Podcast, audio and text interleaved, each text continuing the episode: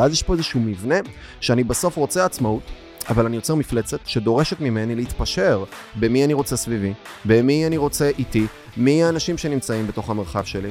ובהגדרה, אחד מהדברים הכי גרועים הרבה פעמים שאנשים יכולים לעשות לאיכות חיים שלהם, לא לסיפור ולפרסונה שהם מתחזקים כלפי חוץ. כי בסיפור ובפרסונה שיש להם עסק, שיש ספרות בחודש, הם עושים זה, בבפנים, באיכות חיים שלהם, יש להם, הם כל הזמן מחזיקים אנרגיה מול עובדים שאולי הם לא הכי רוצים להחזיק איתם אנרגיה ביום יום, הם לא בוחרים להיות חברים שלהם. מול לקוחות, שאולי הם לא רוצים שהם יהיו לקוחות שלהם, אבל בגלל שהם צריכים לתזרן שש ספרות בחודש, אז הם בוחרים, מכניסים את הלקוחות האלה, וכל האנרגיה הופכת להיות לפגיעה מאוד משמעותית באיכות החיים כשמסתכלים בזום אין. אבל בזום אאוט יש סיפור.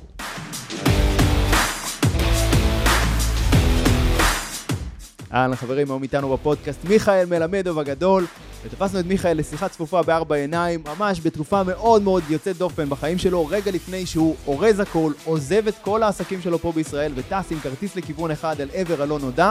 אז דיברנו הרבה על uh, uh, מה גורם בעצם לבן אדם לעזוב שישה עסקים מצליחים, לזרוק לפח שנים של עבודה קשה ולנסוע לעבר הלא נודע לחפש את מיכאל האמיתי ואת סוד האושר. הרבה תובנות, הרבה דברים מאוד מעניינים בפרק הזה, על החיים ועל העסק. יאללה, מתחילים.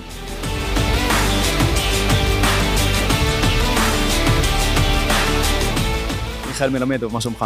גוד. מעולה. אז אנחנו uh, מצלמים את ה... מקליטים את הפרק הזה אצלך בדירה פה בפלורנטין בפברואר 2023, ואני uh, תופס אותך פה באיזשהו uh, רגע uh, יוצא דופן או תקופה uh, מיוחדת בחיים כן. שלך ובקריירה שלך. איך, איך היית מגדיר את השינוי הזה שאתה עובר עכשיו, ככה במשפט אחד? Uh, תקופת טרנזישן, תקופת מעבר. מעבר ממה למה בעצם? אה, אני מרגיש שה... אה, היום אני בן 29, אני מרגיש שהיה לי איזה שבע שנים אה, נורא הארדקור כאלה, כדי לבנות את העמידה שלי בעולם, את ה... מי אני ומה אני ואיך אני, והיכולת שלי לייצר כסף ולעמוד לבד ולצאת מחסות ההורים ולעשות הרבה דברים ולייצר איזשהו אימפקט, שזה עברתי דרך להקים שבע חברות בתקופה הזאת ולעשות כל מיני דברים. לעכשיו תנועה שבה אני מתחיל לפרק את המבנים. שיצרתי לעצמי, הפרקטיים, בין אם זה שותפויות, חברות, תזרימים, אנשים, הלוואות וכולי, ויוצא לתקופה שבה אני הולך uh, לעבור איזשהו מסע של לנסות להסתכל על דברים מ-first principle thinking כזה, כאילו, לנסות להסתכל לא על מה... התנועה שאני נמצא בתוכה, כי אנחנו הרי מסתכלים כל הזמן על דברים מתוך פוזיציות, כן? אני גבר לבן בן 29 שגר בתל אביב, במקור מהקריות, בישראל, מדינה מערבית, קפיטליסטית, שנעה בתצורה מסוימת. יש לדבר הזה הרבה משמעויות לקווי מחשבה שלי, לאיך שאני מתבונן על העולם, לאיך שאני מסתכל על הדברים. וגם שבע שנים אני עצמאי, שבונה עסקים וחברות, אז בתוך התקופה הזאת גם כן נבנו לי המון המון המון הסתכלויות ומודלים מנטליים על איך אני מסתכל על העולם. ועכשיו זה מין סוג של תנועה כזאת של אה, להתחיל לצאת לאיזשהו מסע של לפרק את זה. אחרי שהייתי נורא בביזנס אופריישנס כזה, כאילו היה לי חברות עם הרבה עובדים, עם צוותים, עם דברים, ועכשיו רגע לצאת למרחב אה, שהוא קצת פוגש משהו אחר. וזה מתחיל בעצם מזה אה, שסגרת את כל העסקים שלך, או מכרת, או פירקת שותפויות ודברים כאלה, ו... קנית כרטיס לכיוון אחד, כרטיס טיסה לכיוון אחד. כן, כן, עכשיו... זה גם, אה, איך אתה רוצה שאני אתייחס לזה, מאיזה מקום? קודם כל תספר, כאילו? אולי בוא ניתן איזשהו רקע קטן לטובת אה, מיעוט המאזינים שעוד לא לגמרי מכיר אותך, אה, ותספר טיפה על החברות האלה שבנית בעצם בשבע שנים האחרונות, בקטנה, ו... אוקיי. וננסה להבין, להגיע משם לרגע הנוכחי הזה של הפירוק והיציאה למסע הגדול. כן, התחלתי בזמנו, היה לי אה, שלושה עסקים, אפשר לקרוא להם, שהייתי מתעסק בהם. אחד היה בזמנו בי טאלנט, חברה שהייתה מוציאה משלחות לטוני רובינס לחו"ל. אז היינו מוציאים שם מאות אה, ישראלים כל שנה לסמינרים בחוץ לארץ. זה עסק שכשהגעתי אליו הוא היה בערך 700 אלף שקלים מחזור, ובפרק זמן של חצי שנה, שבעה חודשים, הגדלנו אותו לעסק של 4.5 מיליון מחזור. זה אה, העסק הראשון שהצטרפת אליו? זה אפשר להגיד שזה היה העסק הראשון. במקביל, הקמתי עסק עם אז הוא היה ילד בשם יובל האס, אה, שהכרתי אותו בגיל 14, ולאט לאט הפכנו לעסק כאילו יחסית גדול, הוא היה בפרונט, אני הייתי יותר מאחורה, אה, וזה היה עסק שגם כן היה של שבע ספרות שהיינו רצים עליו. אה, היה שם שותפים, האקדמיה לפיננסים, שום דבר לא עשיתי לבד, תמיד הייתי עובד עם שותפויות, אז יש עוד הרבה אנשים, כדי לא לחפור למאזינים, אני לא אגיד את כל השמות, אבל המון אנשים לא עשיתי שום דבר לבד. ואחרי זה הקמתי סוכנות. כי שהיא הייתה 100% שלי, פרטית, בלי שותפים, המלין, סוכנות דיגיטל, שכאסטרטגיה עסקית היא הייתה אמורה להיות, אה, והיא הייתה גם פלטפורמה בעצם, שאני יכול להקים דרכה עוד חברות. אני בעצם... מראש חשבת על זה בצורה הזו? כן, זה היה המהות שלה. Uh, המהות שלה הייתה, אוקיי, הפעילות של החברה תהיה גם לתת סרוויס לאנשים, לחברות, אבל בסוף יעניין אותי להיכנס שותף או להקים חברות תחת הפלטפורמה, שבעצם אני לא מגיע כמיכאל, אני מגיע כמיכאל עם אמלין, ואני יכול לתת לך יכולות מרקטיאליות מאוד מהירות ל scale, אני אוקיי. לא אוקיי. בזה. אז הקמתי את אמלין, והיא גם הפכה להיות... אה, חברה של שבע ספרות, שהחזיקה לא מעט עובדים בתקופה הזאת. מה זה לא מעט? כמה עובדים? מה המקסימום? המקסימום היה באזור עשרה עובדים. אוקיי. אוקיי. עשרה ועוד כמה ספקים שצמודים, בוא נגיד בין, בין בתנועה בין 8 ל-15 כאלה ליבתיים, פחות או יותר. אני חושב של agency, service, תוך כדי שאני עושה עוד דברים, זה לא כזה טריוויאלי. ואתה, ואתה מנכ"ל? ואני מנכ"לתי אותה, והייתי סוג של אחראי גם על האסטרטגיה. עכשיו שוב, זה קשה להבין, אבל אפשר להתחיל להבין את העומס שהיה עליי כל הזמן. כן. כי כשאתה אה, מנכ"ל של סוכנות דיגיטל, שיש לה בערך בין 35 ל-50 לקוחות, שכל אחת מהן היא חברה שמנהלת תקציבים של כמה עשרות אלפי שקלים בחודש. כן, לקוחות אתה, גדולים גם ומפורסמים. גם אם יש מנהלי ש... לקוח, כן. וגם אם יש זה, בסופו של דבר, כשיש, כל, כל התקשורת מולי, בדרך כלל כשיש בעיות, או כשצריך להביא את הפתרון לאסטרטגיה או לחשיבה. והוואטסאפ שלי היה זמין לכולם. אז בכל רגע נתון, אני נושא איתי אנרגיה של 50 חברות, וכולנו מכירים מה זה small medium business, זו חברה ש... פתאום משהו זז עם הלידים, אתה מקבל וואטסאפ, פתאום משהו זז עם ה... אין לי אנשים לוובינר, אין לי אנשים לזה, והיינו עם כל מיני חבר'ה, כן? עשינו כל מיני פרויקטים דובדבני, ועם אולמן תקופה ארוכה, כל הקורונה שינינו שם, והיינו עם מלא מלא מכללות גדולות, וכל מיני מרחבים כאלה, שבסוף הם חיים, חיים, חיים מהלידים שלהם, זה לא כזה nice to have. אז היינו ב... זה היה harsh. מעבר לזה הקמתי עוד חברה עם דודו נחום שקראו לה ווטסון, שהייתה נותנת שירותי קופי ותוכן לכל מיני חברות. אה, עם נמרוד אבדלה, אה, חברך גם כן, חברנו המשותף, כן. כן. אה, הקמנו מוקד, במבו, שהיינו בעצם עושים outsource מלא לשיווק ומכירה. שוב, אמלין הייתה עושה את ה marketing, במבו הייתה עושה את ה sales, והיינו עושים revenue share 50-50 נגיד, או 60-40, כל מיני גופים חיצוניים, שאנחנו עושים גם את השיווק, גם את המכירה. זה לחברות גדולות, נכון? בדיור וכאלה? שזה חבר'ה כבר, חברות שכבר בדרך כלל המחזורים שלהם הם כמה עשרות מיליונים בשנה, ואנחנו בעצם מקימים מחלקה חיצונית לחלוטין, שמביאה להם עוד ביזנס, וגם במבו בשיא שלה מכרה מיליון 100 בחודש, נראה לי, לא כולל מע"מ. כאילו כבר היה צוות של איזה 12 חבר'ה וזה, ועניינים, זה גם. ועוד אקספנד ועוד זה, ועוד כל מיני דברים שם שהיו בה, וחברת נדל"ן שהקמנו בתקופה האחרונה, סטואה של ליווי משקיעים עם כמה שותפים מדהימים. נכון, היה גם איזה סטארט-אפ או משהו שהתחיל? היה גם איזה ארבעה חודשים שרצנו על סטארט-אפ עם צוות, היה לי CTO רציני וזה, היינו שם בלנסות לעשות רבולוציה לכתבן. לגוגל דוקס בעצם, להפוך אותו מותאם לכתיבה, לדיגיטל, ולא לקובץ וורד וכזה. היה הרבה טיולים. ופודקאסטים, חמישה במקביל, מריץ. כאילו, יש לך איזה הרגל כזה, היה לך הרגל של כל עסק, יש לו את הפודקאסט גם שלו, ונכון, ועוד ערוץ כן. תוכן? כי שוב, כי יש לי תשתית, היה לי אולפן, היה לי מישהו שמתעסק בזה, ידענו איך לעשות את זה טוב, אני לא רע בפורמט הזה, אז פשוט מה שהיינו עושים זה... מקים חברת נדל"ן, יאללה, פודקאסט על נדל"ן, מקים, רציתי להתחיל להתחבר לעולמות הטק, אז הקמתי פודקאסט לסטארט-אפים, טק אווי, וכל פעם זה היה עוד ועוד, ולי היה את הפודקאסטים שלי, כאילו, היה את הפודקאסט של אמנין, שלוש דקות על שיווק ועסקים, והיה את הפודקאסטים שלי, וזה, אוקיי, אז איפה זה, נניח באמצע, סוף 2022, רגע לפני שאתה מחליט בעצם לעשות איזה שינוי משמעותי, איפה, מה המצב שלך, כמה אנשים תחתיך, כמה חברות עובדות סך הכל, ואיך נראה יום בחייך רגיל, רגע לפני השינוי. אה, יום בחיי הוא לו"ז מאוד מאוד מאוד קשוח, כאילו מהבוקר עד הערב, כי אני כל הזמן, מה שנקרא, באילוצים חיצוניים, ומטפל כל הזמן בבעיות של כל הדברים. כי כשדברים עובדים אז הם לא צפים אליי, אבל כשהם לא עובדים אז הם כן צפים אליי. אז האם יותר... יש מישהו בכל חברה שהוא נמצא צעד אחד לפניך בפתרון כמעט הבעיות? כמעט תמיד, כן. באמלין נגיד היה את המנהל, בהתחלה זה היה את המנהלת לקוחות, אחרי זה כל הקמפיינרים הפכו להיות מנהלי לקוחות בעצמם, אז הם היו בשוטף מה שנקרא, ואני הייתי שם יותר כפונקציה מלמעלה, ש... מה זה פונקציה מלמעלה? כל יום ראשון, משעה תשע, עד שעה בערך אחד או שתיים בצהריים, יש לי ישיבת קמפיינים עם כל מנהלי קמפיינים, נכנסים אליי אחד אחרי השני ואנחנו עוברים לקוח לקוח. אני הייתי מחזיק data בראש שלי, של מה עלות הליד של כל אחד מהלקוחות, בכל אחד מהמוצרים, בכל אחד פלטפורמות, ומה קורה ומה פה ומה שם. אז נגיד סתם, הנה, חצי יום ביום ראשון, ככה לפתוח את השבוע, בכיף ככה. איזה חמש שעות לעבור על קמפיינים ו crunching numbers. אבל בוא ננסה להבין את הדבר הזה רגע. האם אפשר היה במקום לפרק הכל, אולי לייצר שם סיסטמים אחרים, אולי לשים מישהו אחר, למשל בסיטואציה הזאת שאתה מתאר על ימי ראשון בבוקר, שאני יכול באמת להזדהות ולהבין שזה כן ולא, לא קל. התשובה היא כן, כן ולא. הרבה פעמים בתור בעלי עסקים קטנים, אנחנו מספרים לעצמנו סיפור, שמתישהו נוכל לססטם את העסק, ומתישהו ידע לצעוד בלעדינו, וכל מיני כאלה. רוב העסקים הקטנים בינוניים, שבטח שבעולמות של service, הם לא stand alone, הם לא עומדים בעצמם, וברגע שהבעל עסק יוצא מהעסק, או הכוונה שלו יוצאת מהעסק, הנשמה שלו, הוא כבר, מה שנקרא, חי מת בתוך העסק, זה עסקים שהם מתים.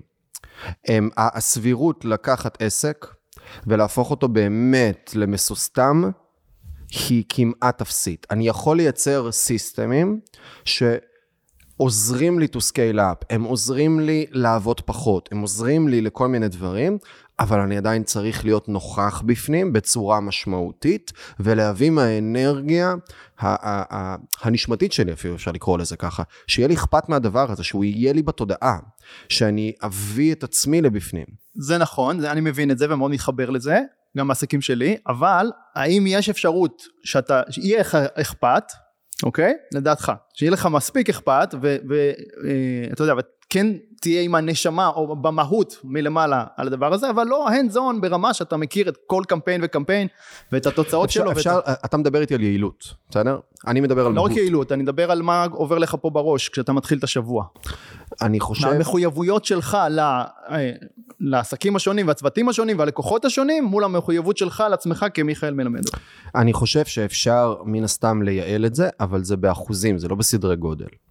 זה כאילו תשפר את זה ב-30, 40, 50 אחוז. אבל מעט. אני לא אומר שזה מעט, וזה הרבה פעמים ה-way out שהוא הגיוני, אה, אבל זה לא לשנות את האסנס של הדבר, אתה עדיין תלך עם זה בראש. אם, וברגע שתפסיק ללכת עם זה בראש, רוב הסיכויים שזה יתפרק. ו- ויש משהו, אנחנו נמצאים, אנחנו בתור עסקים קטנים, הסיבה שאנשים באים לעבוד אצלנו, למה היא? למה היא? כן. למה? למה אנשים באים לעבוד אצלך או איתך? כי הם נמשכים אליי. בול.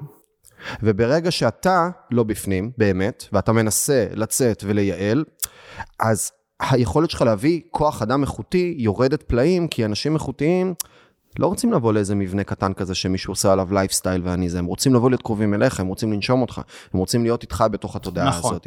וברגע שאני מפסיק להביא את האנרגיה האמיתית שלי ואת הנוכחות הפיזית שלי, בסדר, גם בזמן, לתוך הדבר הזה, זה כבר מתחיל לא להיות שם. רגע, אבל אני הגרביטציה הזאת הולכת. אני מבין. עכשיו, רגע, זה, אבל- שנייה, אני רק אוקיי, אוסיף עוד מילה. סליחה. עכשיו, זה לא רק עובדים, זה הכל, זה הלקוחות, בסדר?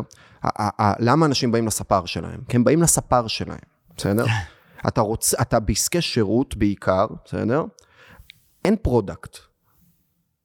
זה לרוב חרטוט, בסדר? יש רגע אנרגיה מסוימת שבה יובל מלווה עסקים. עכשיו, יובל יכול לייצר שיטות ונהלים, אבל תנסה להכניס מישהו אחר תחת השיטות והנהלים של יובל לאיך הוא מלווה עסקים, זה לא, זה it won't stick.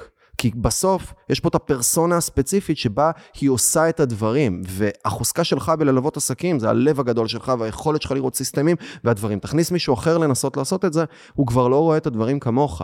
ואם הם באים בפרסום שהוא דרכך, כי אתה עדיין פרזנטור של עסק שירות, שזה כן. משהו שכמעט ואי אפשר לצאת ממנו, זה לא שזה לא אפשרי, אבל זה מאוד קשה, אז אתה מביא אנשים שמרגישים DNA מסוים, ודה פקטו הם מקבלים אחר כך DNA אחר, ויש שם מיסקונספציה בתיאום ציפיות.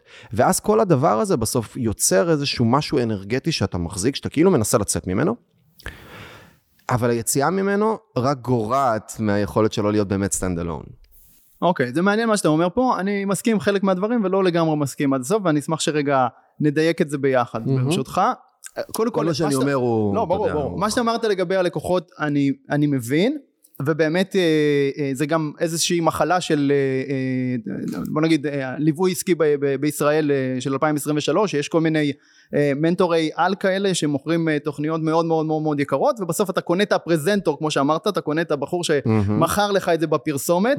אבל בתוכנית עצמה הוא בכלל לא שם, ומי שמלווה אותך זה איזשהו. מנטור תחתיו, או יועץ שהוא בדרך כלל עם הרבה פחות ידע וניסיון, ושילמת המון המון כסף לפרזנטור, ובסוף ואני יכול קיבלת להוסיף לך משהו, עוד שכבות על זה אם אתה רוצה. נו מה, לבעייתיות של כל המרחב הזה. אתה, בטח אם אתה עושה קבוצות, או כבר יש לך מערכת, יש לך בנית מפלצת. הרי מה אנחנו עושים כבעלי עסקים? אנחנו רוצים, הסיפור, כן? בוא תהיה עצמאי, עצמאי זה אני, כן? זה חופש. דרגת, אני, בוא תעלה בדרגת החופש שלך, תהיה הבוס של עצמך. כן. אבל מה אנחנו עושים? אנחנו יוצרים עסק שהופך לי, אנחנו יוצרים מפלצת, עסק, שיש לו צרכים. בטח עכשיו אם זה עסק שהוא עושה scale-up, יש לו עובדים, יש לו משרדים, יש לו מער... גם אם אין לו משרדים, אז יש לו מערכות, יש לך כל מיני ספקים שעובדים איתך כבר על ה payroll, אתה כבר מתח... יש לך הוצאות פרסום ושיווק, אתה כבר צריך, מה שנקרא, to be in the game ולהביא כבר מחזורים מסוימים כל חודש. נכון. ואז מתחילה, מתחיל תהליך ההתפשרות. כי אם כשרק אני מלווה את הלקוחות נגיד, עושה להם את ה... וזה לא משנה אם אני יועץ זוגי, או שאני אה, אה, עכשיו מקים מכללה, או אני עכשיו יועץ עסקי, או כל עסק שהוא או service. מורה לגיטרה. או מורה לגיטרה, או כל עסק שאתה רוצה. אני מתחיל איזושהי תנועה, כשאני, כשאני לא הייתי לוקח את הלקוח הזה לליווי עסקי, אבל בגלל שאני צריך לפתוח תוכנית, וכבר הוצאתי marketing, ויש לי יועצים, ויש לי את המקום שלקחתי שאני הולך להעביר בו את ההרצאות ואת כל הדברים, אני צריך עוד כמה אנשים כבר כדי להכניס לזה, אז אני גם מתחיל להתפשר באיכות הלקוחות שאני מכניס לבפנים, והתיאום ציפיות שלי כבר מתחיל להיות טיפה אחר. וגם ה product טיפה פחות טוב, כי הוא כבר פחות פרסונלי. ואז יש פה איזשהו מבנה, שאני בסוף רוצה עצמאות, אבל אני יוצר מפלצת שדורשת ממני להתפשר במי אני רוצה סביבי, במי אני רוצה איתי, מי האנשים שנמצאים בתוך המרחב שלי. ובהגדרה, אחד מהדברים הכי גרועים הרבה פעמים שאנשים יכולים לעשות לאיכות חיים שלהם, לא לסיפור ולפרסונה שהם מתחזקים כלפי חוץ. כי בסיפור ובפרסונה שיש להם עסק, שיש ספרות בחודש, הם עושים זה, בבפנים, באיכות חיים שלהם, יש להם, הם כל הזמן מחזיקים אנרגיה מול עובדים שאולי הם לא הכי רוצים להחזיק איתם אנרגיה ביום יום והם לא בוחרים להיות חברים שלהם, מול לקוחות שאולי הם לא רוצים שהם יהיו לקוחות שלהם, אבל בגלל שהם צריכים לתזרם שש ספרות בחודש, אז הם בוחרים, מכניסים את הלקוחות האלה, וכל האנרגיה הופכת להיות לפגיעה מאוד משמעותית באיכות החיים כשמסתכלים בזום אין, אבל בזום אאוט יש סיפור. אני מנכ"ל, כבר לא עצמאי, כי יש לי עובדים, יש לי חברה, יש לי שש ספרות בחודש, אני עושה שבע, אני עושה מיליון שקל בשנה, האנשים סביבי, אני, אני מתחיל לתחזק רגע את הדבר, ויש לו כוח, ואז אני הופך להיות שכיר במפלצת שיצרתי, ושאני מחויב אליה כמו שלא הייתי מחויב לאף מקום אחר, כי אני לא יכול מחר בבוקר להגיד, יאללה, סליחה על הצרפתית, כולם תזדיינו וביי. כי אני פוגע בסיפור שאני מספר לעולם. ולעצמי. נכון, אבל אתה מציג פה את, עכשיו את הסיטואציה שהיא נכונה והיא קורית באמת בהרבה מאוד עסקים שעושים צמיחה, אבל אתה מציג רק חלק, בוא נגיד החלק השלילי של הדבר הזה, שאתה אולי שבעת ממנו מאוד, אבל מה שעוד מאפשרת לך צמיחה כזאת, כשאתה מתחיל לשכפל את עצמך ולהכניס אנשים אחרים, וכן, להתפשר מעט, כי אף אחד לא יעשה את זה 100% כמוך, אף אחד לא יכול להיות 100% כמוך. תלוי מה מוצר. נכון. אגב, בגיטרה אצלך אני חושב שזה בסדר. אוקיי, זהו, אז בג, בגיטרה זה שוכפל בצורה מדהימה. זה עניין של לכלוא את ה... מה שאני עשיתי זה לכלוא את המהות, את התמצית, את ה... שלי, כמה שרציתי להעביר בתוך הדבר הזה של לנגן גיטרה בחמישה שבועות. מצאתי אנשים שסולם הערכים שלהם והאופי שלהם והיכולות הטבעיות שלהם מאוד מאוד דומות ומותאמות, ואז היה קל מאוד, לא כפיתי עליהם להיות יובל ביאליק.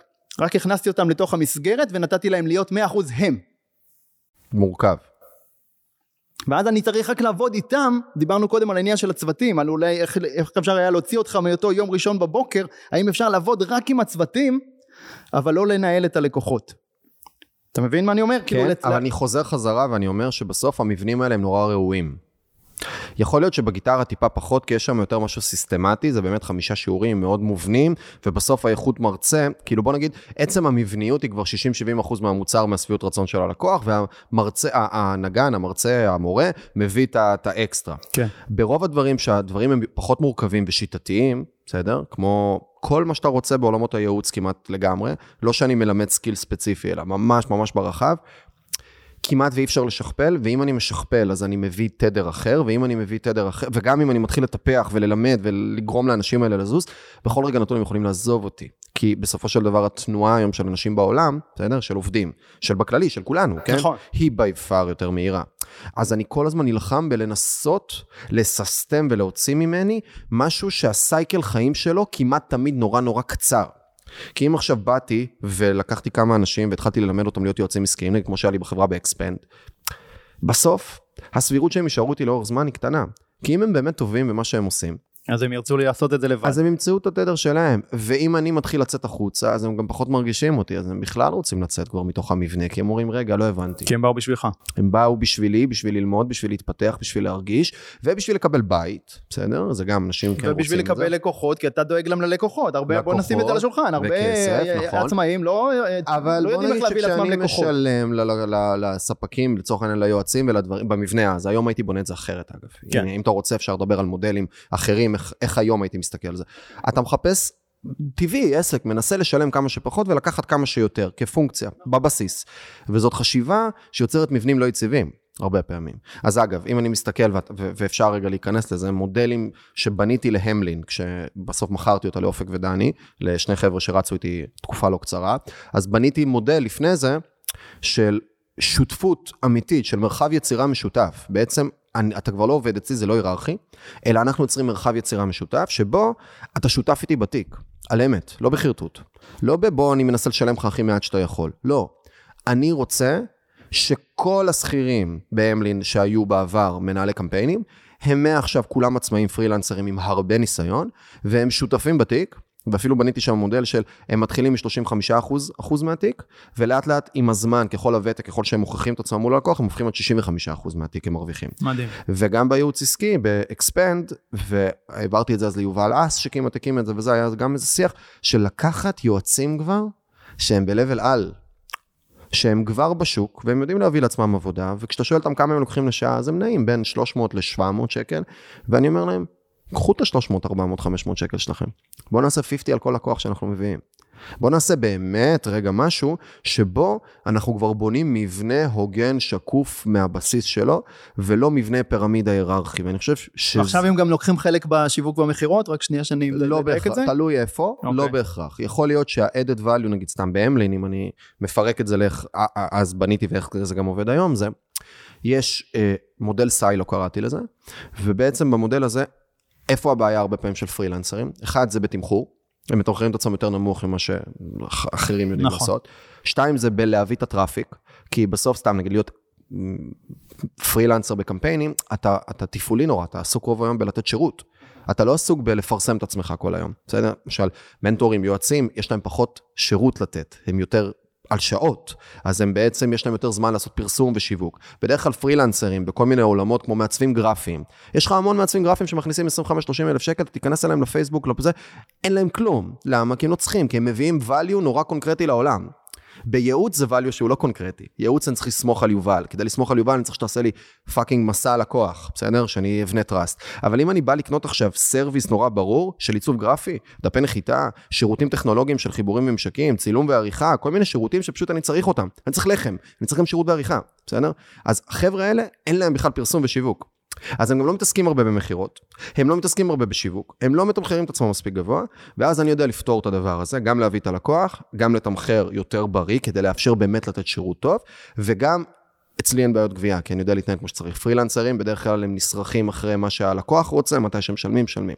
אז אני גם גובה כמו שצריך, ואני נותן מעטפת מקצועית, ואני נותן אז אתה הרבה בעצם דברים. מכניס אותם, ב- ב- כאילו הם מקבלים את אותו כסף שהם היו רגילים לקבל בחוץ, ועכשיו אתה. חסכת להם את ההתעסקות בשיווק בול. ובזה, ובואו תיכנסו ומביא סטנדרטים של עבודה, ומביא בית, ומביא הוואי, ומביא תדר של חופש, לא עם הכרחה לשום דבר, ומביא עוד חשיבה, וכוורת ספקים, ועוד הרבה מאוד דברים, שבאמת אומרים, אחי, אני לא בא להשתמש בך כדי שאני אהיה בעל עסק ואספר סיפור וארוויח כסף, ואתה גם לא בא לעשות עוד שנה פה לקורות חיים שלך כדי להתקדם למקום הבא שלך. אתה, אתה, אני, אני, בוא נבנה ביחד משהו שהוא שלך בדיוק כמו שהוא שלי, התיק שלך, כמו שהוא שלי. מעולה. ואנחנו שותפים בתוך התיק הזה.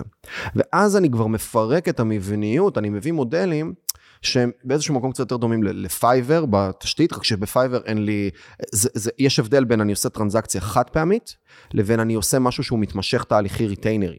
כי ב retainer יש משהו אחר, יש רגע אנרגיה שהיא שונה. הרק להביא לך את ה client, את ה, את ה, לחסוך לך את ה client acquisition, בעצם את הגיוס לקוח, זה לא מספיק.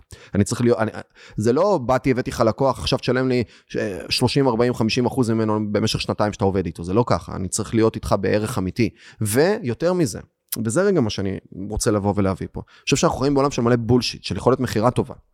נכון. יכולת מכירה טובה, שיווק טובה ויצירת חלום. ויש משהו ב...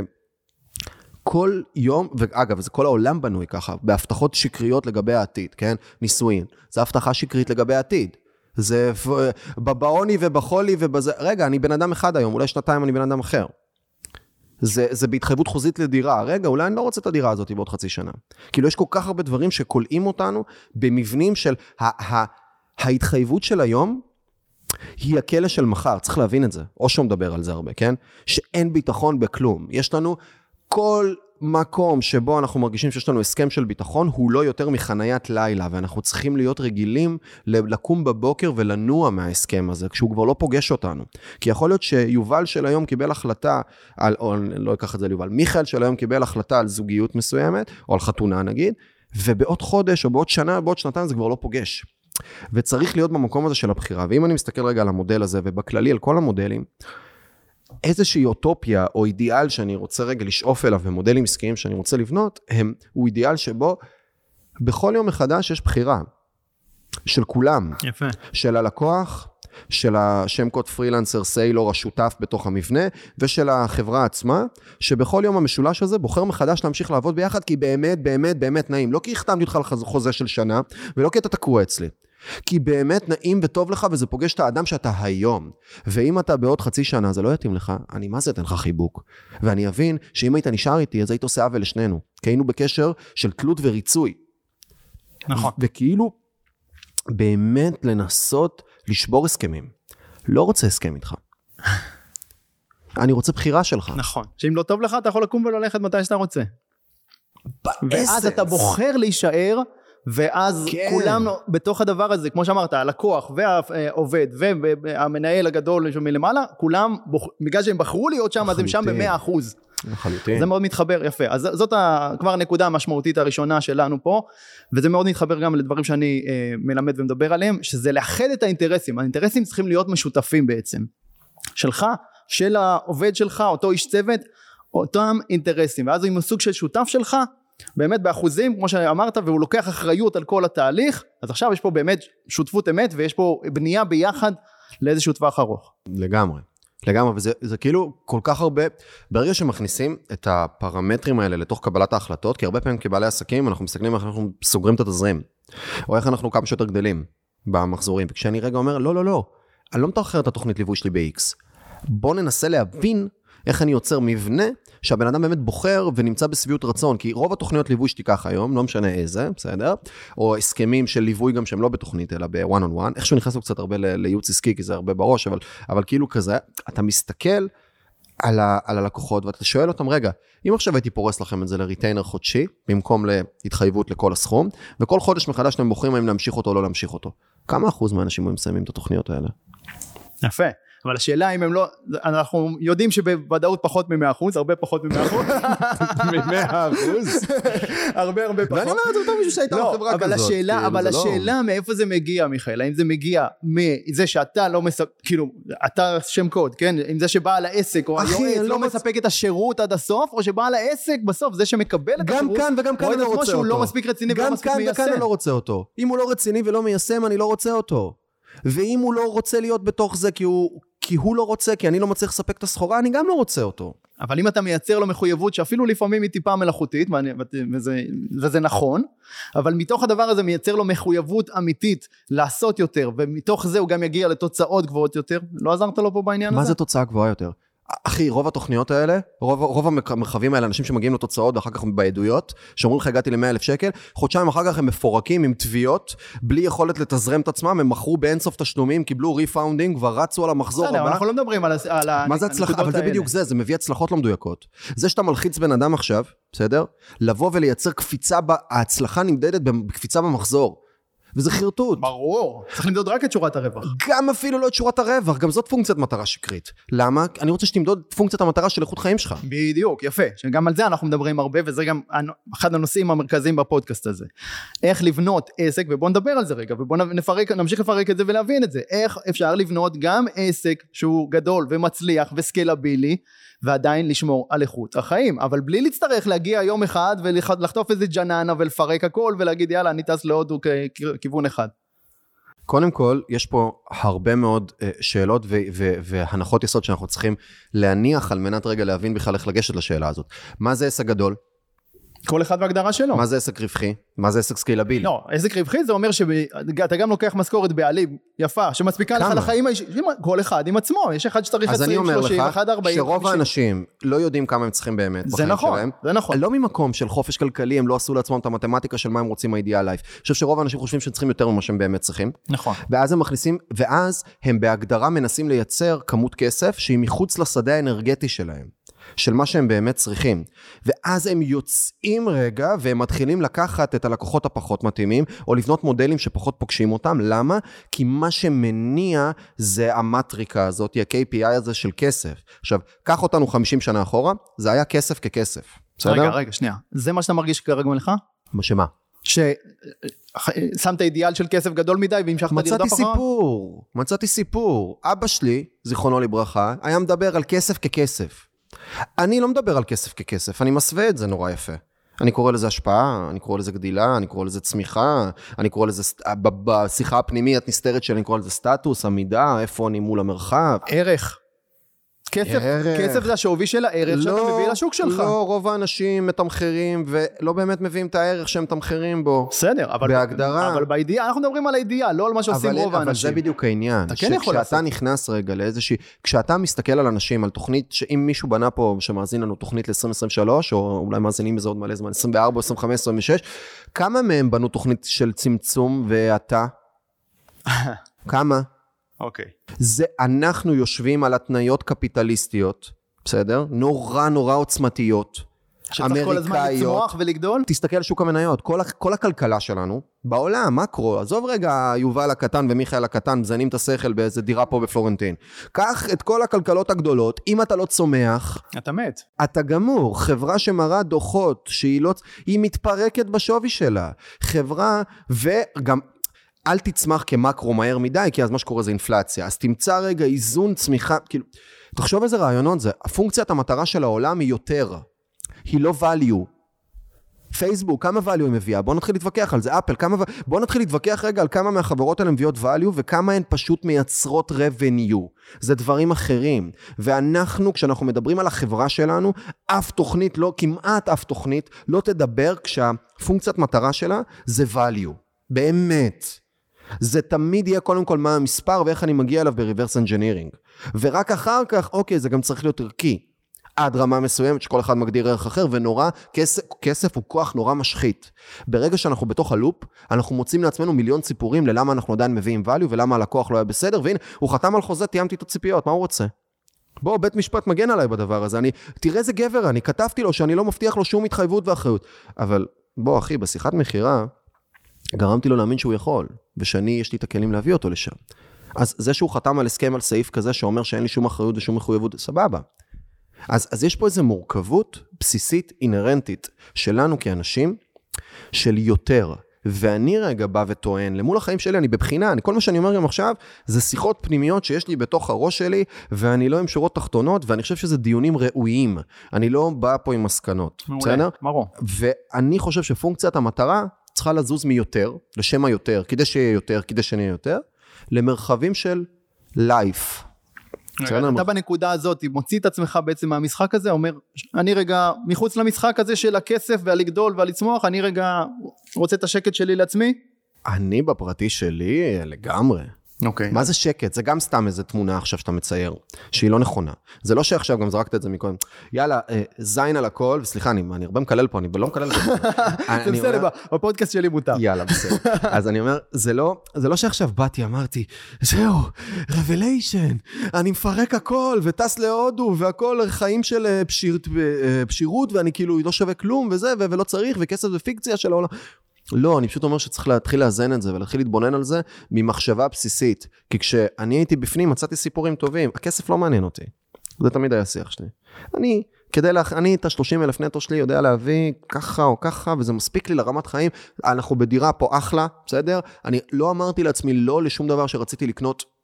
לא זוכר כמה זמן. עכשיו, אני גם לא מהמשוגעים שהולכים וקונים עכשיו מרצדסים וזה, זה לא מעניין אותי, אף פעם לא עניין אותי. אבל הדירה שאני אגור בה איתי, תמיד היה לי לא מעט כסף שאני מייצר, בסדר? לא מעט כסף. אז הייתי אומר תמיד, אני, אני, אם היה לי עוד זמן פנוי, הייתי מקים עוד חברה, זה היה הסיפור שלי. נכון, וככה חיית באמת. נכון, וזה היה סיפור. וזה סיפור נורא חזק, שנקלעתי בפרסונה ובפוזיציה מסוימת. אז עכשיו המקום שאני נמצא בו, זה רגע, בוא נחזור לגראונד זירו, כי כשהתחלתי את המסע הזה הייתי ילד בן 22, שהשתחרר מהצבא, שמגיע מהקריות לתל אביב, שבא לבנות את עצמו בעולם, ונאחז בכל דבר שהוא יכול, כדי לייצר משהו, כדי לייצר ערך, כדי להעמיד את עצמי, כדי להבין איך העולם עובד. אני כבר לא שם. למה אני נעל אותם גלים? למה אני באותה אינרציה? בוא נעצור רגע. אוקיי, לעצור לה- לחשב מסלול מחדש בעצם. זה אפילו לא לחשב מסלול מחדש, זה לשאול מה קורה כרגע. מה קורה כרגע איתי? מה בפנים קורה לי כרגע? כי אין עתיד, אין מסלול. יש רק את הרגע הזה. יש רק מונוגמיה עם הרגע הזה, עם עכשיו. מה קורה? וזה הכל, בזוגיות. אתה מתחיל לצאת עם מישהי, ואז אתם מתחילים לדבר על ה... אתה מתחיל להרגיש את הפוטנציאלים של מה יכול להיות לכם. ו... ו... רגע, מה עכשיו אני מרגיש אלייך? רגע, מה... איך יום שלי נראה? וככה, אבל אתה בדייט עם בחורה כבר חושב איך אה, יראו הילדים שלכם?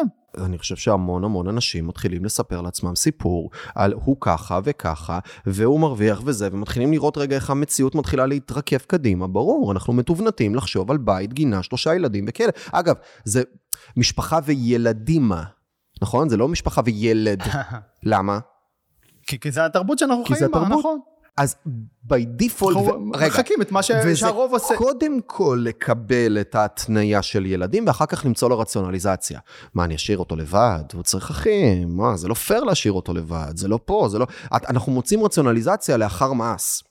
ואנחנו הרבה פעמים קופצים להחלטות שהן מאוד משמעותיות, בלי באמת להבין את המהות שלהן. אז כרגע זה, זה לא להגיד, זהו, מצאתי את האור. איזה אור? כל חרטוט, בסדר? זה עכשיו רק פשוט לגשת למצב, וגם עכשיו אומרים לי, אני טס לחו"ל, אני יוצא למסע, לכמה זמן אתה טס? זאת שאלה. לא יודע. מעולה. למה אני... אל תענה על השאלה הזאת. בדיוק. תהיה ברגע הזה.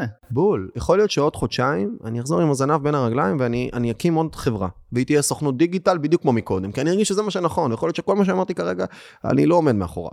כי קרה ככה וככה. תראה, עכשיו כשדיברת, אני, התחדד לי משהו שרציתי שגם נדבר עליו. אני חושב שיש שוני מאוד מאוד גדול בסיפורי החיים של שנינו, ויכול להיות שמה שחסר לך בעצם, אולי, זה יכול להיות שכל הדבר הזה קורה בגלל שלא עשית את הטיול אחרי הצבא בגיל 22, או לא. שלא היית שם חופשי? ממש. אני, אתה היום בן 29, אני בן 42 עוד מעט.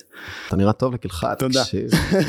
ואני מיגי, אני בשנות ה-20 שלי, בזמן שאתה בשנות ה-20 שלך הלכת ועשית המון המון כסף, ועוד חברה ועוד חברה ועוד חברה. אני בשנות ה-20 שלי התרחקתי מכסף כמו מאש. הייתי בקטע, הייתי מוזיקאי, כן? והלכתי, אני בגיל 28 הלכתי והקלטתי אלבום אה, אה, בכורה, ושרפתי את כל הכסף שלי, איזה 150 אלף שקל, כל מה שחסכתי עד אותו רגע, שרפתי על החלום הזה. Mm-hmm. אוקיי, הבאתי את הנגנים הכי טובים בארץ, דודי לוי הפיק מוזיקלית, זה... בקיצור, וכסף לא עניין אותי, רציתי לעשות את האומנות שלי ואת הזה, ו... אבל חייתי את הרגע, וכל שנות ה-20 שלי, כל יום הלכתי לים. ו- וכל יום עשיתי מה שבא לי וחייתי את הרגע, mm-hmm. אוקיי? והדבר הזה התחיל מזה שבגיל 23 נסעתי לטיול של שנה וחצי בדרום אמריקה, אוקיי? עזבתי הכל, חסכתי שנה כסף כאילו אחרי הצבא ונסעתי, וגם עם כיוון אחד, בדיוק כמו שאתה נוסע mm-hmm, עכשיו, mm-hmm. כיוון אחד ובמטרה ברורה לחיות את הרגע ולא לחשוב מה יהיה קדימה, לא לעשות תוכניות, לא זה, ו- ו- ו- ואז יש לך את הבחירה, כשאתה נמצא שם, אתה תרגיש את זה עוד מעט בטיול שלך, אני מאחל לך את זה, אתה באמת, יש לך את האפשרות לבחור כל הזמן מה, אתה, מה עושה לך טוב. אתה קם בבוקר, לא טוב לך איפה שאתה נמצא, אתה פשוט עולה על האוטובוס הראשון או על הרכבת הראשונה ומגיע למקום אחר ופוגש אנשים חדשים ואתה בשנייה משנה את המציאות שלך, כי אתה לבד. ואתה יכול, ואין לך אחריות על אף אחד. וזה הדבר היפה ב... בשנים האלה באיזשהו אופן. אני עשיתי את השינוי רק כשהגיעו לי ילדים. שים לב מה אתה עושה, כן. אבל אתה מגדיר את זה לשנים. אתה לא, מגדיר לא את זה להיות. לפרק. אני חי ככה גם היום, למרות שיש לי אוקיי. הרבה מאוד אחריות. אז עשיתי אני... איזשהו סיבוב ואני חוזר לשם, אוקיי? Mm-hmm, mm-hmm, אבל mm-hmm. אני מנסה להבין האם הנקודה שהגעת אליה של פשוט לפרק הכל ולעזוב, היא נובעת מאיזשהו חוסר, בגלל שנכנסת למרוץ מוקדם מדי. או, או, או לא מספיק בשל, כאילו, עם הבנה של מי זה מיכאל. קודם כל, כל, אה, כל דבר שתגידו גם נכון. אוקיי. בסדר? זה גם נכון. אני לא יודע להגיד לך. האם זה מחוסר או לא מחוסר. אני חושב שכן חייתי בתוך הסייקל הזה שלי עם הרבה מודעות באופן יחסי. אז אני לא חושב שאני לא יודע מי זה מיכאל. או לפחות מהפרסונה הזאת שנקראת מיכאל והרבה דברים בפנים. אני חושב שכל הזמן הייתי בצעד תימני רגע, למול רגע מי אני, מה אני, רגע זה אני, זה לא אני, וכל הזמן היה בי את התהליך חיפוש הזה. יצרתי לעצמי בסוף איזושהי סביבה מאוד מאוד ספציפית, עם איזשהו תדר מאוד מאוד מסוים, שעכשיו אני משחלף אותו. אבל אני לא משחלף אותו כהתבוננות על פרק. זה לא שעכשיו אני הילד שנוסע לטיול אחרי צבא, שהולך לבוא ולחיות כל יום כאילו זה, זה, זה לא שם. אני, אני נוסע עם ציוד uh, הקלטה. כן, אני הולך לברוא משהו חדש עכשיו, אני, אני גם סוג של עושה רגע הריגה של כל התוכן שיצרתי, ואני הולך להפוך את זה ערוץ אחד, הקול של מיכאל מלמדוב, כנראה זה הולך להיות שם, פשוט לדבר, אני, אני, אני לא הולך לטייל. אז מה אתה הולך לעשות? אני הולך... לחיות. פשוט- אני, אני, אני בדיוק, אני הולך רגע לפרק את המבנים שאני בתוכם. והמבנים שאני בתוכם זה הכל. זה גם האופן שבו אני עושה עסקים, וזה גם, ה... יש לי, אמרת את המילה אחריות, יש לי המון התבוננות על המילה הזאת. כי התדר האנושי של איך שאתה חי כשיש לך אחריות ואין לך אחריות, שונה לגמרי. אני יכול להיות בן אדם, שני אנשים נמצאים בתאילנד, אחד הוא נווד דיגיטלי שעובד במשרה מלאה בשירות לקוחות בהייטק, והשני הוא ילד אחרי צבא שסיים, שחסך שנה וחצי 70 אלף שקל וטס. האנרגיה שלהם היא אחרת לחלוטין. ברור. למרות שהם יושבים עם אותו פייסל ורואים את אותה שקיעה באותו ערב, באותו לוקיישן. אז כרגע השיח הפנימי שלי, הוא נכנסתי לשיח אקסטרים של רגע, מה חי בתוכי כרגע, מה האנרגיה שאני מרגיש כרגע, ממה היא נובעת, על מה היא משפיעה, מה נעים לי, מה לא נעים לי, ואיך הייתי רוצה להמשיך לעצב את סביבת החיים שלי בהתאם לדבר הזה. יכול להיות שעוד שנתיים אני ארגיש שוואלה, זיקקתי את עצמי לאיזושהי נקודה מסוימת, ועכשיו בא לי להביא לידי ביטוי יצירה שלי. בצורה מסוימת, שהיא יכולה להיות מאוד פרגמטית. אחי, אני לא נשכח את זה ששילמתי משכורות במשך חמש שנים, כל חודש, מאות אלפי שקלים להרבה מאוד עובדים. בסדר, אני יודע להחזיק אופרציה. זה התדר שלי. אני היום נלחם בזה שעל כל מקום או כל דבר או כל שיחה שאני נמצא בה, אני כבר מקים ארבעה עסקים בראש סביב הדבר הזה. אני נלחם לנקות רגע, והולך רגע לאיזשהו מקום של להתחיל להביא איזה התבוננות חדשה על הכל. אז גם עכשיו, אני לא יוצא לטיול. אני מעלה דרגות החופש שלי פשוט. אתה מבין? אני יוצר לעצמי עיצוב חיים עם דרגות חופש הרבה יותר גבוהות, וזה לא אומר שלא תהיה לי עשייה. יש לי עכשיו כמה דברים שאני כן מתכנן לעשות בתוך התהליך הזה. עסקית. עסקית, אבל הם הולכים להיות מאוד מאוד רזים. למשל, בהתחלה אמרתי, אולי אני אקח לי כמה ריטיינרים לליווי. יש אנשים שאם אני אגיד להם, בוא, תשלם לי 5, 7, 10 בחודש, קח 3, 4, יאללה, על הכיפאק, יש לי 30, 40, 50 אלף שקל, אני יכול לנוע. מה זה ארבעה לקוחות? כאילו, אני עושה יום בשבוע נכון, וסטו. לא, למה? כי יש לי אחריות על הבן אדם. ברגע שהוא נכנס איתי לתהליך, יש אנרגיה של אחריות, וכשבן אדם משלם לי כסף טוב, בסדר? כסף טוב. הוא גם, יש ציפייה מסוימת נכון, בתוך התהליך הזה. ובצדק. ואני צריך להיות רגע באנרגיה, בהינתן ואני בן אדם מודע ואתי, ולא מישהו שלא איזה קרוק, ברור. אני רוצה להחזיר, ואני רוצה להרגיש שמה שהוא משלם לי זה ויובל עבורו. ואז לקחתי איזה שניים כאלה עכשיו כדי לנסות את זה כל עוד אני בארץ. ואמרתי, אלוהים ישמור, זה לא שלי, כרגע. זה, זה פוגם לי בדרגת החופש שהייתי רוצה לייצר על מנת שאני אוכל להסתכל על דברים בצורה שונה. עכשיו, הרבה אנשים יגידו, טוב, כמה זמן אתה יכול ככה? לא יודע, אולי זה חיים. אולי זה, אז עכשיו אני עושה איזה סשן מיקוד אנרגיה איתי, שזה פגישה אחת של שעתיים, שגם שם אני נורא משחק עם התמחור. התחלתי מחמש ועכשיו אני ב-2500, ואולי אני אפילו ארד יותר נמוך מזה, למה? כי אני רוצה שזה יהיה הכי נקי שיכול להיות. אני רוצה שבן אדם שיצא מסשן איתי, ירגיש שהוא קיבל פי ארבע ממה שהוא שילם עליו, וגם 2,000 שקל, 2,500, זה כאילו, זה כל כך הרבה כסף, אנחנו כל כך לא מסתכלים על זה. זה כל כך הרבה כסף שבן אדם משלם. זה כזה לא טריוויאלי. אז אני רוצה, ו... אבל זה עניין של היצע וביקוש, ככה השוק עובד. אם יש יות- יותר אנשים שמוכנים לשלם לך יותר כסף, כן, אבל לא. אתה צודק. בעבור הערך שאתה יודע לייצר, שמבוסס על הרבה מאוד. ניסיון. ואתה אתה צודק. כן. אתה צודק אבל. בתחושה שלך הפנימית. כן. אבל זה לא חייב להיות הסתירה הפנימית הזאת בין התחושה שלך לבין כמה שאתה גובה. זאת אומרת, אני לא רואה את זה ככה. מה זה סתירה פנימית? אני חושב שזה כל הזמן, זה, רגע, זה פרמטר שכל הזמן צריך להיות. אני חושב רגע במקום הזה של תמחור. איפה אני מתמחר כבר?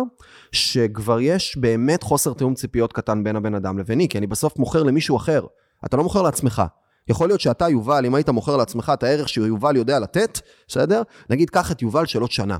ועכשיו תשאל כמה שווה לך לעשות שעתיים של יובל של עוד שנה שעברת שנה הזאת. לקצר לך מלא דברים. כמה זה שווה לך? המון. אבל זה אתה ואתה. קח בן אדם בחוץ, זאת שאלה מורכבת למה הוא באמת מרגיש ויובל בתוך הדבר הזה, בתוך המקום הזה. ואני באיזשהו מקום עם עצמי רוצה להגיע למצב שבו אני באמת ב-peace of mind מלא רגע ברמת התמחור של כמה אני לוקח ומקבל, בסדר? לא רק לוקח, אלא גם מקבל, למול מה שאני נותן בתוך המרחב הזה, וזה הרבה משחק. איפה אני ארגיש שהבן אדם לא קנה אותי? איפה אני ארגיש שבאמת הטרנזקציה הזאת הייתה איכותית עבורו? איפה אני מרגיש שאני לא הולך עם הבן אדם הזה אחר כך, איתי? זהו, כי אתה רוצה, חשוב לך במקום שאתה נמצא בו היום לשים. מגבלות, אבל וואו, חשוב שהמאזינים שלנו יבינו את זה, זה כי- כי אתה שם... שם מגבלות על האחר- האחריות שאתה מוכן לקחת על מישהו אחר ועל העסק שלו. לחלוטין, ברור. בסדר. עכשיו, סתם, אתה יודע, זה, זה עניין. יובל, אם עכשיו בן אדם שלם לך 500 שקל לפגישה, ואז ישבת איתו שעה וחצי ונתת לו מלא value, האם אתה מרגיש צורך אחרי זה לראות מה קורה איתו, לבדוק? יכול להיות שברמה החברית, אבל רגע, ברמה העסקית, האם אתה מרגיש צורך לבוא? 500 שקל? לא, זה כלום. לא. אבל אם הבן אדם עכשיו משלם לך 100 אלף 5,000, שקל, כן. 100 אלף שקל לשעה וחצי איתך, האם אתה תרגיש צורך אחר כך, אה, אולי גם להסתכל קצת על מתחרים, לפני הפגישה, להסתכל קצת יותר לעומק על, על הלקוח, לבקש חומרים לפני, לעבור עליהם הרבה יותר לעומק, האם אחר כך אתה תלך איתו עוד קצת זמן ועוד שבוע אולי תשלח לו עוד איזה משהו שחשבת עליו, האם רגע פתאום זה הופך להיות התדר, אותו יובל, אותה שעה וחצי, פעם אחת שילמו לו, אותם אנשים גם, אולי כן. ואולי לא, כשאתה משלם היום, כשאתה משלם לג'יי אברהם כזה 5,000 דולר או 7,500 דולר, כמה שהוא לוקח היום על שעה אחת מהזמן שלו, הוא לא יבדוק איתך אחר כך מה קורה איתך, והוא לא יעבור לפני זה על הדברים, אתה נטו משלם על הערך של השעה הזאת של הבן אדם, שיש לו עשרות שנים של ניסיון ומיליארדי דולרים שהוא ייצר. ויכול להיות. שזה פוגש אותך.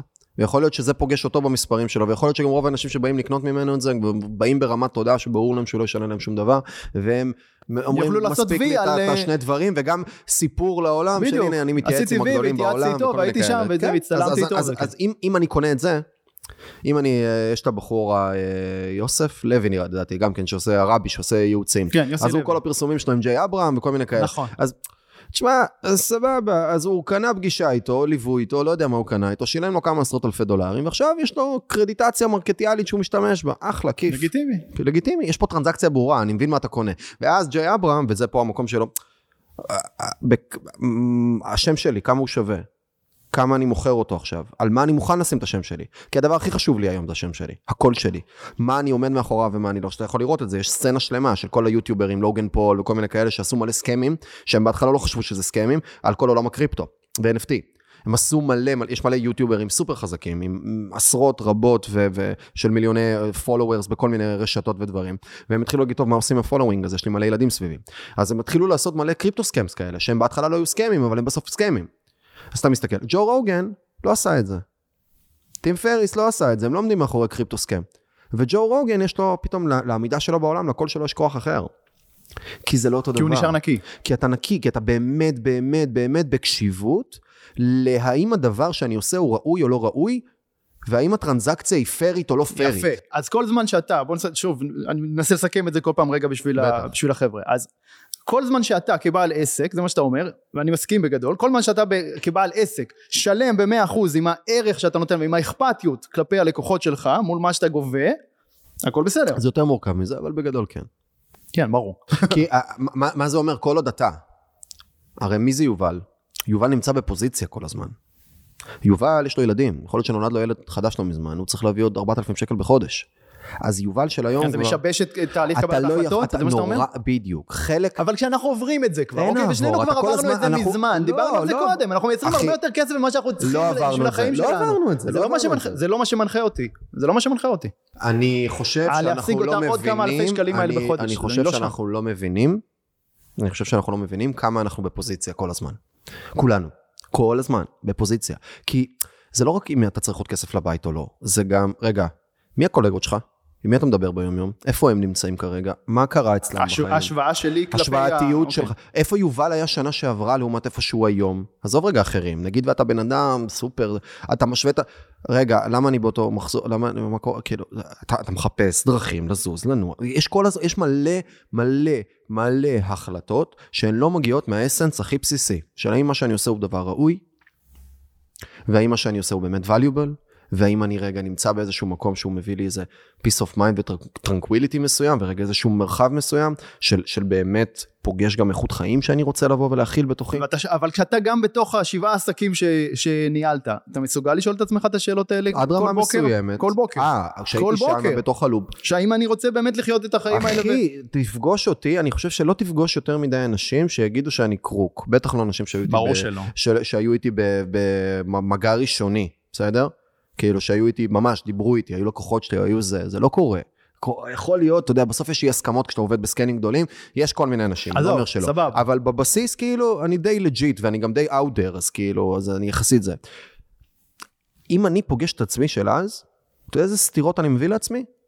אבל מה זה של אז? אנחנו מדברים גם לפני חצי שנה חצי בסוף. שנה, שמונה חודשים, תשעה חודשים אחורה, כן. כי הפוזיציה שלי היום, יצאתי מהפוזיציה, אני מסתכל על הדברים ממקום יותר אבל נקי. אני שואל, כשאתה בפנים, אתה לא מסוגל לשאול את השאלות האלה כל שואל, בוקר אבל- ולקבל את ההחלטות בצורה שואל- נקייה, אבל שואל, נקייה. אבל היא- ברור שהיא לא נקייה. נקייה, היא אף פעם לא תהיה 100% נקייה. ברור שהיא לא נקייה. אבל בסוף רובנו נרצה להישאר אה, לחיות פה, ב- אתה יודע, ולנהל את העסקים שלנו. כן, אבל אתה עכשיו אייג'נסי שיושבת לפגישה עם לקוח קיים שלך, ואז אתם מדברים, ופתאום עולה איזה רעיון עסקי, ואז אה, כדי להקים את הרעיון, את המוצר הנוסף שלו, הוא צריך להקים לזה דף נחיתה, וזה מתזרם את החברה, ו...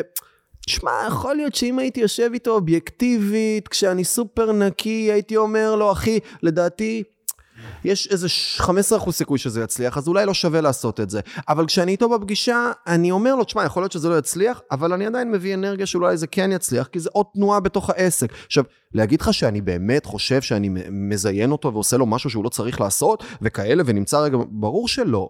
אני גם מסתכל לבן אדם מה ה big בעיניים. דיל? הוא עשה דף נחיתה, הרמנו קמפיין אה, ראשוני לבדיקת זה. אם זה לא הלך, לא קרה כלום, לא הפסיד את התחתונים, לא ותיאמתי קרה איתו כלום. ציפיות, ולא הכנסתי אותו לשום? בור, נכון מאוד. אז מה הבעיה? אבל זאת לא החלטה נקייה. בסדר, אוקיי, אז אנחנו מסכימים שאין שום דבר שהוא 100% נקי. ספקטרום, יש ספקטרום. אנחנו שואפים ל-80% נקי. לא יודע, מה זה, אומר? מה זה 80 אחוז? באיזה יודע. סקאלה? באיזה... צודק. זה כאילו... אי אפשר לכמת את זה, זה נכון. אז אני אומר את זה בדיוק כאן, זה שתי שאלות. שאלה ראשונה זה להרגיש האם אני בתוך פוזיציה כרגע או לא בתוך פוזיציה, ואז להרגיש אם אני עושה את מה שאני עושה במקום ראוי או לא ראוי. עכשיו שוב, זה, אנחנו, אנחנו מסתכלים על עצמנו כבן אדם אחד. אנחנו לא בן אדם אחד. כשאתה רעב, או כשאתה ממש צריך להשתין, בסדר? נגיד ואתה ממש צריך להשתין. לא בקטנה, אתה צריך להשתין. כרגע אני אנסה לנהל איתך שיחה על מקום אחר, מוקד קבלת ההחלטות שלך יהיה, איך אני משתין הכי מהר? ואם עכשיו אתה חלילה נמצא באיזה מקום עם הילדים שלך, ופתאום אתה רואה איזה בן אדם מבוגר בא ודוחף את הילד שלך. באותו רגע, אני לא מדבר עם יובל שמדבר איתי עכשיו, שיודע להסתכל בראש צלול. נכון. אני מקבל מישהו שלקח כרגע את הדבר הזה שנקרא rage, בסדר? והפך להיות כמעט 100% מתוך הדבר הזה. אה, קוראים לזה ארכיטיפים, כן? אלים יוונים, לא יוונים, רומים, יוונים, הינדים. יש לך הרבה אלים שהם כאילו אל התאווה שהיא בצורה מסוימת, אל החוכמה, יש לך הרבה מאוד כאלה. זה מין סוג של sub personalities בתוכנו, שהרבה פעמים יכול, אנחנו יכולים להיכנס ל-100% לתוכם. נכון.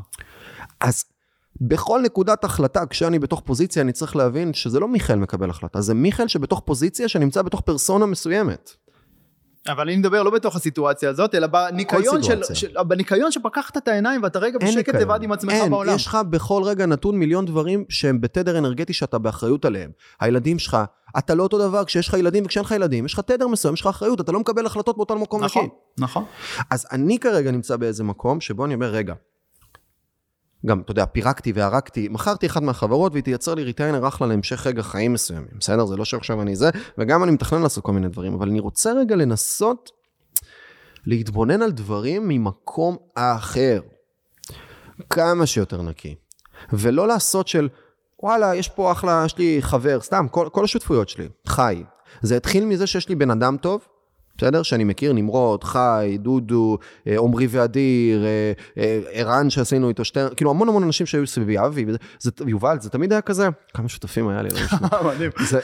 וכולם אנשים מדהימים, זה בדיוק נכון, העניין, נכון, אז אתה אומר, רגע, הנה, אתה ואני עכשיו. יובל, מה אתה עושה עכשיו? כמה זמן פנוי יש לך? בואנה, אחי, לך יש כוח, לי יש כוח. בוא, מה אתה יודע לעשות טוב? מה אני יודע לעשות טוב? בוא ננצל את הפוטנציאל הלא ממש הזה. זה מבחינתי לא ראוי. היום. זאת עשייה לא ראויה. למה? למה? תדייק לי את זה, כי זה כי אתה נסחף למשהו שהוא... כי אתה לא אומר, אמיתי? לא לגמרי אמיתי? אתה אומר, מה הכלים שסביבי ואיך אני יכול לעשות מהם משהו. אתה מבין? זה כאילו, מה הפוטנציאלים שיש זה סביבי. להתחיל מהכלים ולא זה- להתחיל ממך. בול. שאתה אומר, ממה אתה רוצה, ממה חשוב לך. ממה, וזה שני דברים. ממה חשוב לי, זה לא חשוב, זה כל כך הרבה דברים, אתה יודע, יצירה, דבר עם אנשים שהם יוצרים. ריק רובין נגיד, שעכשיו התראיין להרבה פודקאסטים כי הוא הוציא ספר שהוא היה חלק מה... הוא... אה, אה, אין, אין, אין, אין אמן שהוא לא היה איתו, נגיד, עם System of a Down, הוא הפיק, הוא הפיק את צ'ופ סוי, וכאילו המון המון המון שירים, אז הוא מדבר הרבה על הקריאטיביות. יש משהו שעובר בתוכך. זה לא מה אני יכול לעשות, זה מה חייב לצאת מתוכי. זה כל כך שונה. זה מה חייב לצאת מתוכי. ואז כשאני מביא רגע את הדבר הזה, התנועה שלי נראית אחרת בעולם. זה מה חייב לצאת מתוכי ומה העולם מבקש. יפה, אבל לפעמים זה סותר אחד את השני, כי, מה? אני, כי ככה אני חייתי בשנות ה-20 שלי. אני חייב להוציא את המוזיקה מתוכי, אני חייב, אני רק הכלי שמאפשר למוזיקה לצאת מתוכי. אחלה, יכול להיות שלא היית בשל, והיית ילד, יש הבדל. ככה. הדבר הזה שאנחנו עכשיו מדברים עליו, אני יכול באמת לחוש אותו, ואני יכול להיות מאף ברעיון שלו. ויש הבדל עצום בין השניים. אוקיי. עצום בין השניים. והרבה פעמים, וסליחה שאני משתמש במילה ילד, כי גם אני ילד, בסדר, מה אני יודע? אבל נכון, כשאתה- אני הייתי אז בגילאים שלך, שאתה היום. כשאתה. לא עובר מסע פרגמטי בחיים, ואתה לא מבין איך העולם עובד, היכולת שלך הרבה פעמים לבוא ולהיות באמת בתוך הדבר הזה שדיברנו עליו היא קטנה. כי אתה מאוהב יותר ברעיונות מאשר מרגיש אותם באמת, מאשר אוהב באמת. אתה מאוהב ברעיון של להיות אמן ויוצר מיוסר, ונכנס רגע לאיזה פוזיציה ולפרסונה ולדמות, ולא בא לזה ממקום הרבה יותר יציב מקורקע. כי החיים זה לא רק בספרות הגבוהות, בסיפורים, בדיבורים, החיים זה קרקוע. יש חשבונות לשלם. נכון. ויש אוכל שצריך לאכול, ויש דברים שאני עושה ואני משפיע על אחרים ויש לי אחריות בתוכם. אז ה... ולא סתם בתרבויות, בסדר? בתרבויות החוכמה, בקבלה מדברים על גיל 40, שתצא למסע רוחני, אחרי שיש לך אישה וילדים. בתרבות האינדית מדברים על אחרי שמסרת את העסק שלך לילדים. יש הרבה מאוד תרבויות שמדברות איתך, באנתרופוסופיה מדברים איתך רק אחרי שעברת איזשהו מסע, כאילו יש לך הרבה מאוד מקומות שאומרים לך, רגע, תבין, ב... תבין רגע מה קורה פה, במציאות הזאת, בכדור הזה, תבין רגע מה קורה בסושיאל, במשחק הזה שנקרא אנושות, ואז אתה יכול להתחיל לפרק ולהרכיב מחדש. ואם אני יוצא לפרק ולצאת כנגד, לפני שאני עברתי איזושהי תנועה אמיתית של להבין בכלל מה אני בא לפרק, הרבה פעמים זה מגיע ממקום שהוא הוא כלי ריק. הוא לא מגיע רגע מאיזשהו מקום של באמת רגע. ויש משפט נורא יפה, to be nobody you need to be somebody first. יש משהו בתהליך הזה של הפירוק וההרכבה. ואגב, קבלה מדברת על דור אחרון.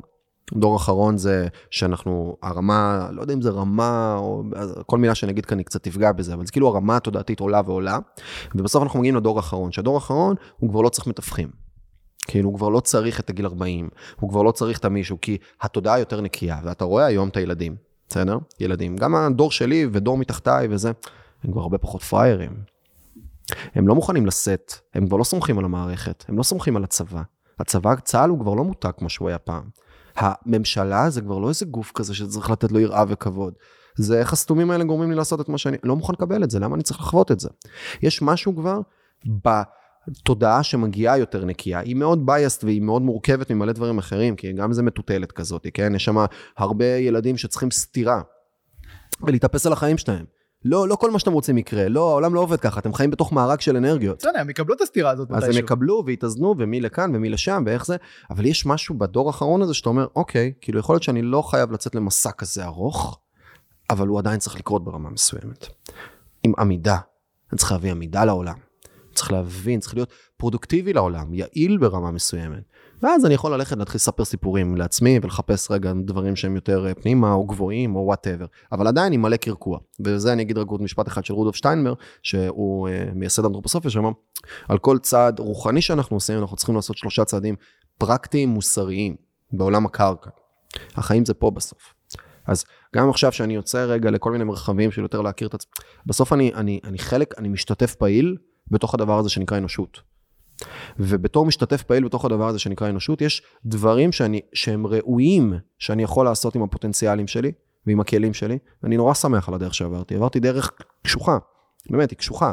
היום יום התפעולי הייתי עובד 350-400 שעות בחודש, אם גם כל היום הראש שלי היה שם, לא, לא פשוט, פיתחתי הרבה סקילס דרך הדבר הזה. ואני, ואני באמת מרגיש שעשוי להיות לי איזשהו תפקיד כאן. אבל זה מגיע היום ממקום של, רגע, אני הרבה, הרבה, הרבה יותר זהיר, בלאיזה בריכה אני קופץ ראש או לא. אבל מה המסקנה פה קדימה או למי ששומע אותנו או בשבילך קדימה? רגע, האם מה ששבר אותך זה השעות המטורפות? לא שבר. האחריות, לא, ש... סליחה, המילה שבר אולי היא לא נכונה, מה שגרם לך לעשות את השינוי שאתה עושה עכשיו. פטריות הזיה. כאילו במסע טיפולי, לא, אבל תגיד בדוק. לא, אני צוחק. אבל אה, סבבה, לא, אבל זה כאילו, האם זה הזמן הזה באמת שהיית מקורקע אה, אה, מבחינת, אתה מדבר על 350 שעות בחודש עבודה, זה באמת טירוף ואי אפשר להחזיק לא ככה זה מעמד לא כל כך הרבה לא זמן? זה לא כזה, אני יכלתי להחזיק מעמד הרבה זמן. אחת הבעיות. שלי זה שאני סובייטי שיודע להחזיק המון זמן על המתח. ותשים לי עוד משקל על הגב ואני אשא אותו ולא אגיד שכואב לי. אני יודע להחזיק הרבה מאוד זמן, זאת אחת הבעיות שלי. אחת הבעיות הגדולות. ומה שקרה אצלי זה שפשוט באיזשהו מקום, דמיין את זה, בוא ניתן, ניתן איזה אנלוגיה לזה קצת אחרת. דמיין שאתה רואה את העולם בצבעים מסוימים, ואז פתאום קורה איזה משהו שמראה לך שה-14 צבעים שראית בהם בו את העולם, זה לא כל הצבעים, יש 28. ואז פתאום אתה מסתכל רגע על המצב חיים שלך, ואתה אומר, וואו, זה לא כזה יפה כמו שחשבתי. כאילו אתה לא חי חיים מלאים. יש עוד כל כך הרבה צבעים נוספים שהם לא בתוכי. הלב שלי לא פתוח. אני חווה דברים דרך הראש. אין לי מספיק זמן פנוי לאנשים שאני אוהב סביבי. אני כל הזמן בצריך ולא ברוצה. אני משרת כל כך הרבה אנשים סביבי, אני כאילו חזק. אתה תסתכל עליי, בטח באותה תקופה, בפוזיציה הזאת של המנכ"לות כן. והחזקה, אתה מסתכל עליי מהצד, בפעמים שפגשת, הרגשת שאני בן אדם מרצה? מרצה? לא. לא. האימא שלה מרצה, פשוט עושה את זה בקשיחות. אבל בסוף אני מרצה את כולם סביבי, כי אני צריך להחזיק סטטוס קוו. ברגע שאני צריך להחזיק סטטוס קוו, אתה יודע, זה כמו מלכים, שליטים, איזה תפקידים אלה, פוליטיקאים. אתה בהגדרה שוחה בביוב. אתה בהגדרה מתפשר כל הזמן. אתה יודע, יש ספר שנקרא בינוני ביהדות.